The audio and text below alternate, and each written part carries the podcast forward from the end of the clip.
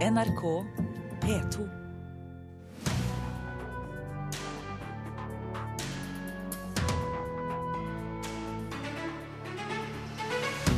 Kjendiser som viser frem netthat hjelper andre, mener forsker. Rundt 30% av oss har opplevd netthets. Språkrådet har kåret årets nyord. Nå skjer det grønne skiftet på det grønne. De grønne. For det grønne skiftet. Med det grønne skiftet. Til det grønne skiftet. Men hva betyr det egentlig? Svaret det får du i dagens Kulturnytt, hvor det også blir fredagspanel, og du får møte noen av de nye stjernene til den premiereklare Star Wars-filmen. Mitt navn er Stine Tråholt. Haddy Njay, Sigrid Bonde Tusvik og blogger Sofie Elise er alle kjente personer som den siste tida har stått fram og snakket om at de har opplevd netthets. Den økte åpenheten kan være med på å hjelpe andre som også opplever det samme, tror forsker. I dag har hvert tredje nordmann opplevd en slik hets. Det betyr uh, mye, tror jeg, for de som opplever å få hets. Uh, fordi man ikke sitter alene med det. Um, og den skyld- og skamfølelsen som mange av de jeg har forska på, forteller om, ensomheten rundt det å bli sittende og kjenne at man er sårbar, den, den oppheves til en viss grad når man deler det på sosiale medier, eller deler det med offentligheten. Aina Landsverk Hagen er forsker ved Arbeidsforskningsinstituttet. Hun forsker på og har skrevet bok om netthets. Den siste tida har flere kjente personer på ulikt vis satt søkelyset på netthets. Carpe Diem ga ut en singel der store deler av teksten var henta fra kommentarfelt. Apekatter i min blokk og apebakker i min cockpit. Er det dette skattepenga mine går til? Paddy Njay og Kim Kardashian har valgt å vise fram og svare de som hetser. One, two, Medan Kari Traa valgte å lage moteshow der netthetserne ble karikert. Hele kampanjen går ut på at vi skal prøve å få jentene til å åpne seg opp, stå sammen og vise at det er mange som blir hetsa på nettet. Og I forrige uke presenterte Erna Solberg en strategi mot hatefulle ytringer. Vi har fått sosiale medier, og trykket er mye større enn det noen gang har vært. Det som var hvisking i, i, bak lukkede dører, det som var ja, tidligere eh, trakassering som man kunne oppleve, men ikke direkte på samme måte som med, med, sosiale medier. Man kunne trekke seg mer unna det. Ja, det er blitt mye mye sterkere i dag. Prosjektkoordinator for den norske delen av den europeiske Stopp hatprat-kampanjen, Eirik Riise, tror alt snakket kan være med på å gjøre det klarere å forstå hva slik hets går ut på. Det at, det at, folk nå kommer ut og snakker om, om sine erfaringer, er med på, på, å gjøre det mer konkret. Hva, hva er problemet? Eh, hatprat kan i seg selv være litt sånn uh, åpent vagt. og det, det, mangler på en måte en enhetlig definisjon i samfunnet som alle om hva, hvordan man forstår hatprat. Så Sånn sett er, er, det å komme ut i media en måte å gjøre det mer konkret og mer forståelig for, for folk flest. Rundt 30% av nordmenn har opplevd å bli hetsa på nett. Forsker Einar Landsverk Hagen tror det at kjente personer står fram og snakker om det, også kan lette situasjonen for andre som har opplevd hets. Jeg tror det har vært en utvikling de siste tre årene, eh, to-tre årene, hvor eh, flere og flere kommer fram med sin personlige historie, eh, som gjør det lettere for hver nye person som opplever det jeg tror også vi har fått en større bevissthet rundt at dette eh, at det med sexisme og rasisme er noe som eksisterer i vårt samfunn. Nå syns det på, på nett. Eh, vi kan ikke late som at vi er forbi det stadiet. Um, og det gjør det også lettere å vise fram de personlige angrepene som man får, fordi det er relevant for resten av samfunnet. Reporter i denne saken var Espen Alnes.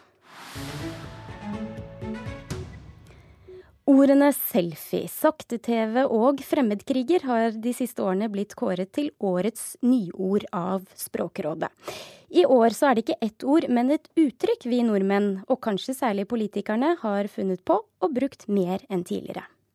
Skjer det grønne skiftet for det grønne. De grønne. For det grønne skiftet. Med det grønne skiftet. Til det grønne skiftet. Det er det grønne skiftet. Grønne ting, er det jævlig viktig? Med dette grønne skiftet og denne omstillinga, hva konkret er det for dere? Det grønne skiftet det handler jo om eh, miljø- og klimapolitikk. Sier Åse Vetås, direktør i Språkrådet, som har kåra årets nyord, eller uttrykk om du vil. Så dette er et uttrykk som virkelig har eksplodert i bruk nå. Jeg vil at folk skal tjene penger på å gjøre noe grønt. Bruken av uttrykket 'det grønne skiftet' har kanskje eksplodert i media og i politiske debatter. Likevel var det ikke alle vi møtte på gata i Oslo som hadde fått med seg den grønne viraken. Jeg har ikke egentlig noe forhold til det uttrykket.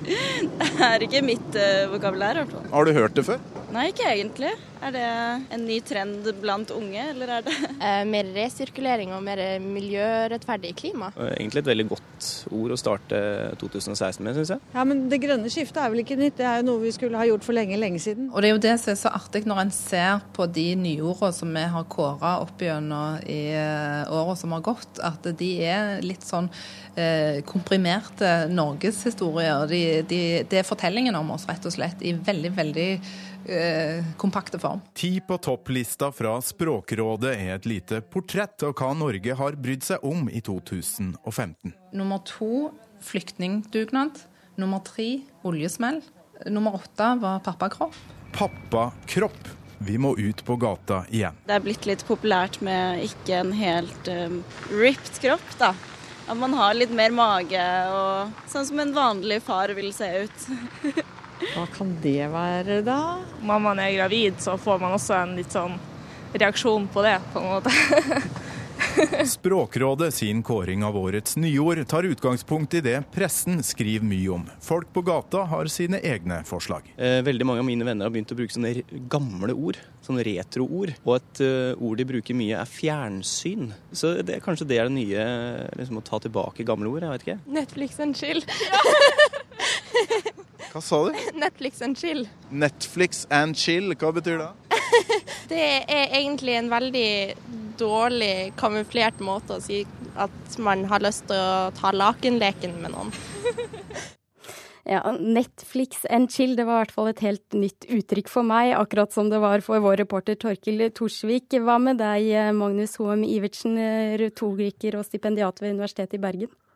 Jo, jeg har jo hørt det før, da. Det har på en måte tatt over for den gode gamle frimerkesamlinga. Ok. Så eh, ja. Ja. Vi trenger kanskje ikke si mer om det da. Vi Nei kan holde oss til årets nyår, som altså er det grønne skiftet. Hvem har skapt det? Hvem som har skapt det? Jo, altså, det er jo uh, litt uklart hvem som kom med det, men iallfall Miljøstiftelsen Zero lanserte dette ganske bredt på en sånn konferanse de hadde i 2013. Og senere så har det da festa seg tydeligvis i, blant politiske miljøer og blant politiske partier, og blitt brukt veldig mye i pressen.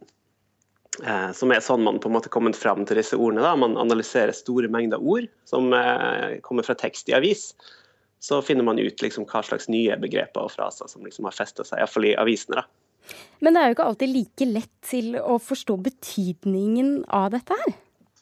Nei, det er sant. Eh, Men eh, det har kanskje vært veldig mye snakk om sånn togradersmål og, og klimakvoter og avtaler. Sånn er det jeg tror denne frasen kan tilby, er kanskje en sånn enkel krok å hekte seg på når man vil snakke om måte, omstillingen fra eh, det som var vår tidligere historie om Norge, som var liksom oljeeventyret, til denne nye kanskje rammefortellinga om hvor vi er, eller hvor vi er på vei som samfunn, da, som er på vei mot eller midt i det grønne skiftet, alt dette sånn.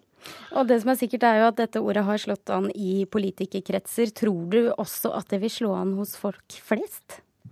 Det kan godt hende. altså Når det nå får mye mer oppmerksomhet, og hvis det står veldig mye om det i avisene, så er det klart det kan bli et begrep ute blant folk. Men en ting som er veldig sikkert, er at eh, det er et veldig fint begrep, men eh, det er også kamp om hva det skal bety for noe blant politikerne. Så det kan også skape forvirring. Eh, fordi det vi ser nå er jo at Politikere i veldig stor grad binder seg til den på en måte masta som det står det grønne skiftet på. Men hvordan dette her skiftet skal skje, det er det jo vill uenighet om. da. Så det kan bli et sånn tomt begrep på en måte, der løsningene varierer vilt, og tolkningene også kan variere. Men det gjenstår å se.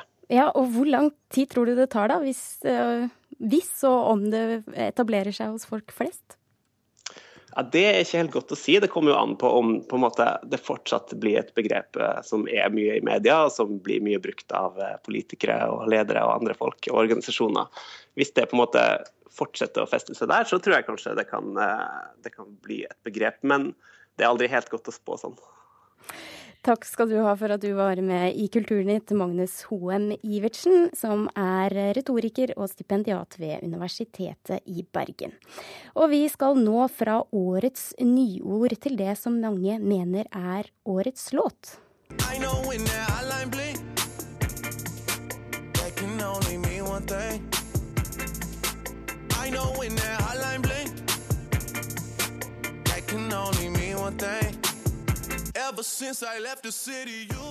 For tradisjonen tro så kårer aviser og nettsteder årets beste låter nå i desember. Og i år så ser det ut til at denne låta, Drakes Hotline Bling, er den store favoritten blant musikkanmelderne. Her hjemme har den så langt toppet listen hos både Aftenposten og Dagbladet, i tillegg til en rekke utenlandske medier. Romance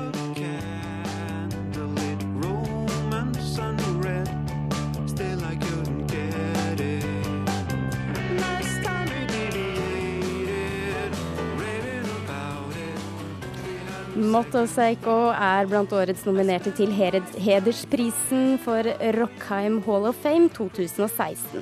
Ifølge nominasjonskomiteen har Motorpsycho i dag en enestående posisjon i norsk rock og en dedikert fanskare i utlandet. Blant de andre ni nominerte finner vi Finn Kalvik, Bjørn Eidsvåg og Sissel Kyrkjebø.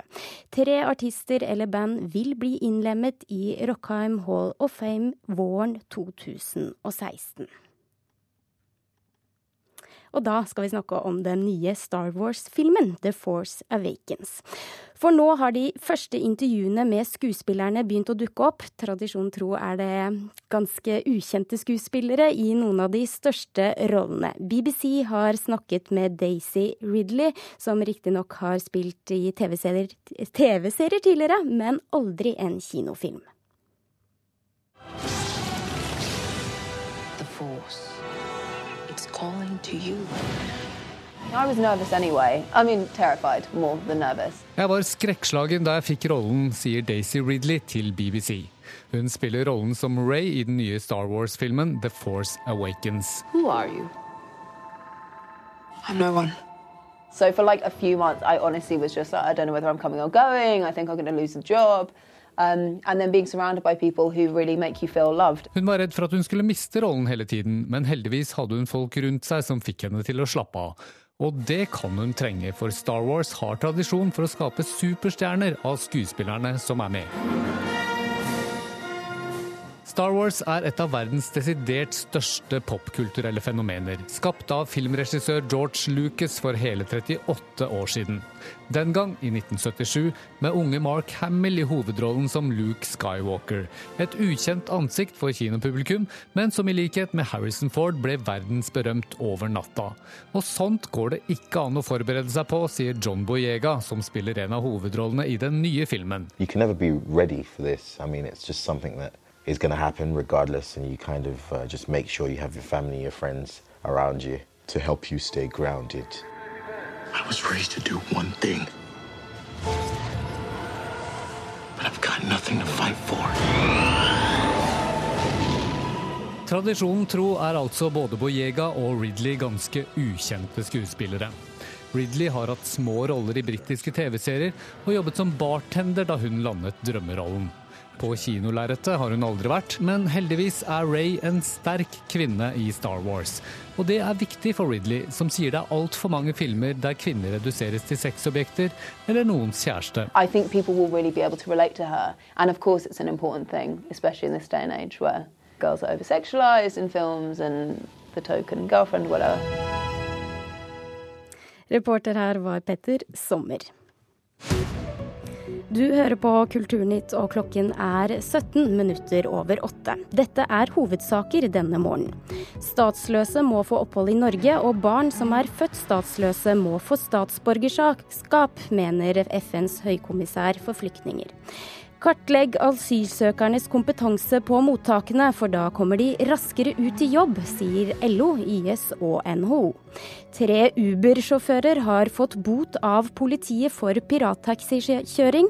Politiet sier at ingen som kjører Uber-pop bør føle seg trygge. Vi har kommet frem til dagens fredagspanel, og i studio nå så har jeg fått besøk av Inger Merete Hobbelstad, kommentator i Dagbladet, forlegger Arve Juritzen og direktør i Fritt Ord, Knut Olav Åmås. Velkommen til dere alle tre. Takk, takk. Vårt første tema i dag er Lambda. Det nye byrådet i Oslo bestemte denne uka at de likevel fortsetter byggingen av Deichmanske hovedbibliotek. Byrådet har gått igjennom kostnadene ved tremilliardersbygget og vurdert om det var verdt pengene. Nå er det det nye Munch-museet som står for tur av byrådsgranskerne, og dere skal få lov til å gi dem et råd på veien. Bør de bygge Lambda som planlagt? Ja eller nei? Knut Olav? Ja, men Ja, helt uten noe men. Bare ja. Eh, nei. Nei. Ja, men. Hvorfor det? Knut Altså, jeg er en av de som er frustrert over den stadig hangen til omkamper i, i norsk kulturliv. Eh, når man har bestemt noe, så må man gå for noe. Eh, egentlig så ville jeg hatt en annet Munch-museum i Bjørvika, eh, Yin-Yang. Den kampen er nok tapt, så jeg skal ikke ta den omkampen. Og vi trenger et nytt Munch-museum, og, og vi trenger det i Bjørvika. Det er mye godt å si om samlokalisering av store kulturinstitusjoner. Men eh, dette er det offentliges penger, og da må vi være helt sikre på at, eh, at dette prosjektet kan gjennomføres nå noenlunde til eh, tid og kostnader. Og det er så mange offentlige byggeprosjekter som går så galt. Sist nå med Deichman. Det er en eh, skandale. Arve? Nei, altså Jeg er bare kjempeenkel i denne saken. Jeg syns Oslo trenger nye, store, fine bygg. Vi er en fattig by på bygg. ikke sant? Den gangen man bygde de tradisjonelle store bygga, så hadde jo ikke vi penger. Nå har vi det. La oss bruke dem på signalbygg, som helt sikkert kommer til å stå som fine ting etter oss. Så ja takk til alle store, fine bygg i Oslo. Ja, jeg er jo helt enig i det at store, fine bygg i Oslo, og gjerne et Munch-museum. Jeg syns bare tilfeldigvis ikke Lambda er et stort, fint bygg. Eh, og eh, så er jo dette blitt selvfølgelig debattert i det kjedsommelige, men det var jo massevis av eh, irriterende feil som ble gjort i begynnelsen av prosessen der. Dette med at bygget var altfor høyt ikke sant, i forhold til reguleringene. Og nå virker det som om bare man tvinger seg til å bygge et sånn stor, kjedelig, lover etter L-aktig kladd som skal stå der og skygge for den fine operaen, bare fordi det på et eller annet punkt ble liksom Det ble en slags nullsumspill. Det ble sånn 0-1-spørsmål. Plutselig var det Lambda eller nesten ingenting. Altså hvis man skulle ha et nytt og oppgradert uh, Munch-museum. Og for meg var det en veldig sånn dum dikotomi som kom fra begynnelsen av, da. Så jeg, uh, jeg snakker litt mer med hjertet enn med hodet, men jeg sier likevel at nei, gi oss noe litt penere. Altså jeg tenker på at Nå må vi ikke starte den diskusjonen igjen. Altså Nå hadde vi sånn der hjertet nesten stoppa med at byrådet ikke skulle bygge Deichmanske. Mm. Altså Vi kan ikke ta den debatten om og om igjen. Vi er jo en verdensmester i å diskutere bygg. Det legger Se- jo Hobbestad opp til det her Ja, da. men jeg, jeg, Derfor avbryter jeg. Vi må stoppe dette her og så gå over til neste sak. fordi at vi kan ikke bruke mer tid på dette. Bygg, bygg. Og så får de og så får vi være glad for at vi får noen bygg i hele tatt, tenker jeg. Knut Olav? Her må jeg komme inn med noen kloke mellomting. Vi, vi, må, vi må bygge, bygge og, og, og slutte med å ta omkamper når det er altfor seint, for det blir jo enda dyrere av eh, våre felles midler. Men her må vi også være sikre på at dette ikke blir eh, en halv eller én milliard mer enn vi eh, har tenkt å bruke. Men det vet du at det blir. Det blir alltid, så det er bare å kalkulere Ja, det- med. Bare finn de pengene. Det er, vi- alltid for dyrt. Men nå skal i hvert fall byrådet granske dette, så får vi se hva som eh, skjer nok en gang med Lambda. Eh, Vi går videre vi til julesanger. Skolene de feier kulturarven vår under teppet, sa kirkevergen i Oslo i Kulturnytt i går. Han mener at skolenes berøringsangst for det flerkulturelle er årsaken til at folk ikke lenger husker julesangene våre. Er det så nøye, da? At uh, unge mennesker ikke lærer uh, julesanger? Inger Merete, begynner med deg. Ja. Ja. Ja. Unisont ja! Hvorfor det? Nei, altså Julesanger er jo, For det første er det jo veldig pene, tradisjonsrike julesanger, men de er jo fryktelig mye mer enn det. Eh, altså Dette er jo kulturarv, og all den tid det er kulturarv, så er det også kulturelle felles referanser. Eh, altså det er altså noe av det som gjør, altså Hvis du kan f.eks. julesangene, så er det noe som også skaper tilhørighet til en slags nasjonal historie, norsk kulturarv osv., og, og gjør at du blir mer fortrolig med det. Og jeg tenker at de som i hvert fall trenger å altså gjerne må synge 'Deilig er jorden' til de stuper, er jo eh, skoleelever med annen bakgrunn enn den etnisk norske. Som? Og særlig hvis de er kommet relativt ferske i landet, så er det jo mye som er veldig fremmed ikke sant? ved å skulle tilpasse seg til en ny kultur. Og det å bringes tettere på ting som alle andre kan, og få med seg det, og dermed få ting som er ja, sanger, fortellinger som man kjenner til hvis man er norsk, det tror jeg kan være en lite skritt til å motvirke en følelse av fremmedhet som kanskje uunngåelig er der likevel. Men Arve, altså, vi kan jo bare bruke mobilen sånn som vi gjør ellers.